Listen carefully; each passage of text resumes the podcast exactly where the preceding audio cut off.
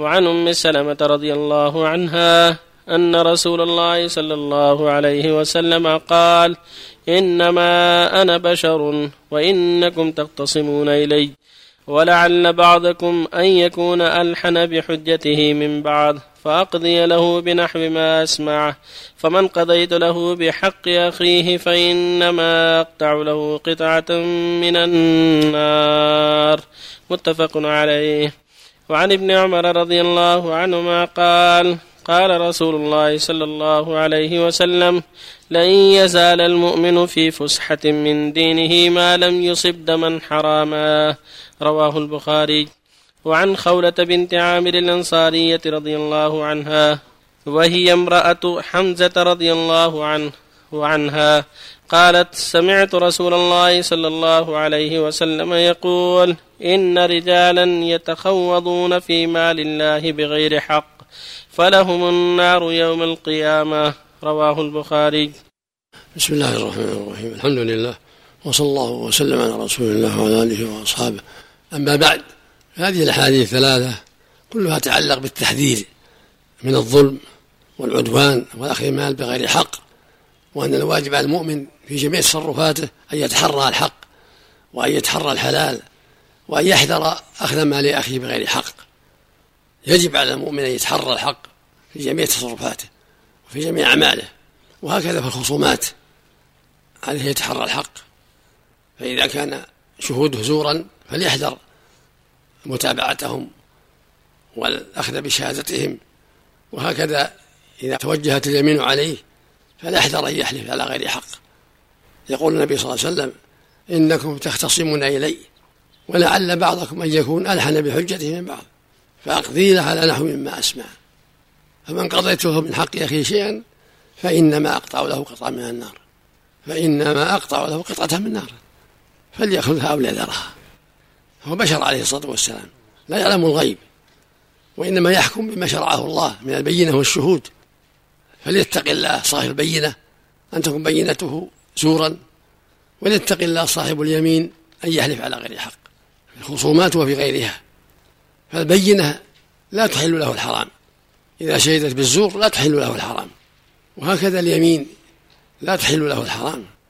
يقول النبي صلى الله عليه وسلم من حلف على يمين صبر هو فيها فاجر لقي الله وعليه غضبان. في اللفظ الآخر من حلف على يمين يقتطع بها مال امرئ مسلم غير حق لقي الله وعليه غضبان.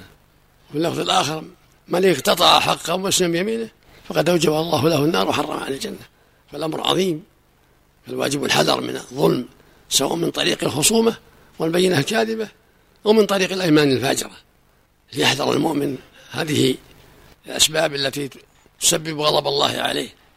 كذلك حديث يقول صلى عليه لا يزال المؤمن في فسحة من دينه ما لم يصب دما حراما هذا فيه الحذر من سفك الدماء بغير حق. وأن الواجب على المؤمن أن يحذر أن يتعدى على أخيه بسفك دمه بغير حق. يقول الله جل وعلا ومن يغفر مؤمنا متعمدا فجزاؤه جهنم خالدا فيها وغضب الله عليه ولعنه وأعد له عذابا عظيما. فالواجب الحذر من سفك الدماء بغير حق سواء كان ذاك السفك للنفس كل للنفس برمتها أو لعضو من الأعضاء. المقصود الحذر من أن يتعدى على أخيه بغير حق في نفس أو في عضو من أعضائه. يجب الحذر من التعدي والظلم. وسفك الدماء بغير حق سواء كان ذلك في النفس أو فيما دون النفس. ليحذر وليتق الله ولا يأخذ إلا حقه بالبينة الشرعية. كذلك حديث خولة رضي الله عنها أنها سمعت النبي صلى الله عليه وسلم إن رجالا يقول إن رجالا يتخوضون في مال بغير حق فلهم النار يوم القيامة. هذا فيه الحذر من تصرف الأموال بغير حق في الخيانة والإسراف والظلم وغير هذا من وجوه الشر.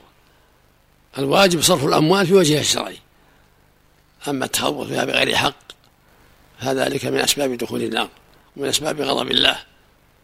فليحذر المؤمن أن يتصرف في أمواله بغير حق بالغش والخيانة أو الرشوة أو صرفها فيما حرم الله.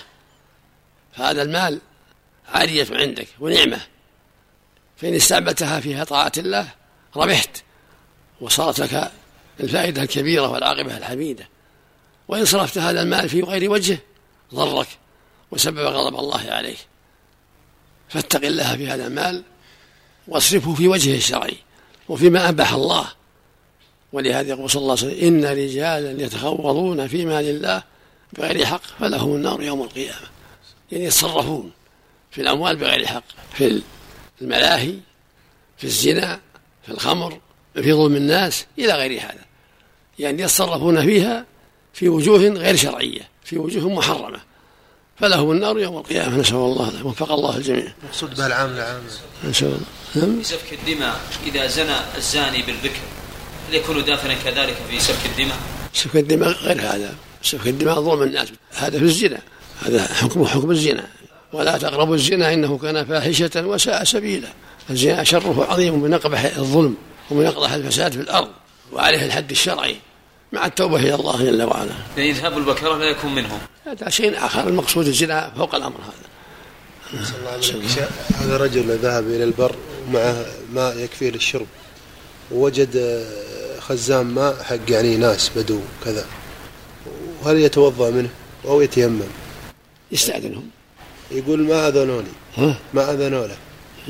ولو بالشراء ولو بالشراء ولو بالشراء يشتري منهم يعني لو ما أذن له ولا لا إذا منعوه من الشراء والإذن يتيمم. يتيمم. أحسن الله عليك. السؤال يقول السائل ما حكم الوصية للأقارب غير الوارثين؟ هل هو واجب أم سنة؟ مستحبة. جزاكم الله خير. نعم. مساعدة الأقارب غير الورثة مستحبة. جزاكم الله خير. نعم. السؤال الثاني يقول قول النبي صلى الله يعني عليه وسلم. وصية لهم نعم. أما الورثة لا. والنبي صلى الله عليه وسلم لا وصية لوارث. نعم. جزاكم الله خيرا. من الثلث. من الثلث فما دون. جزاكم الله خيرا.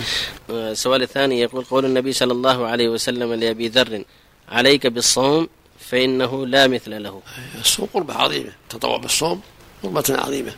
الصوم والصلاة والناس يختلفون في مثل هذا الصوم والصلاة والصدقة بالمال والحج كلها قربات عظيمة.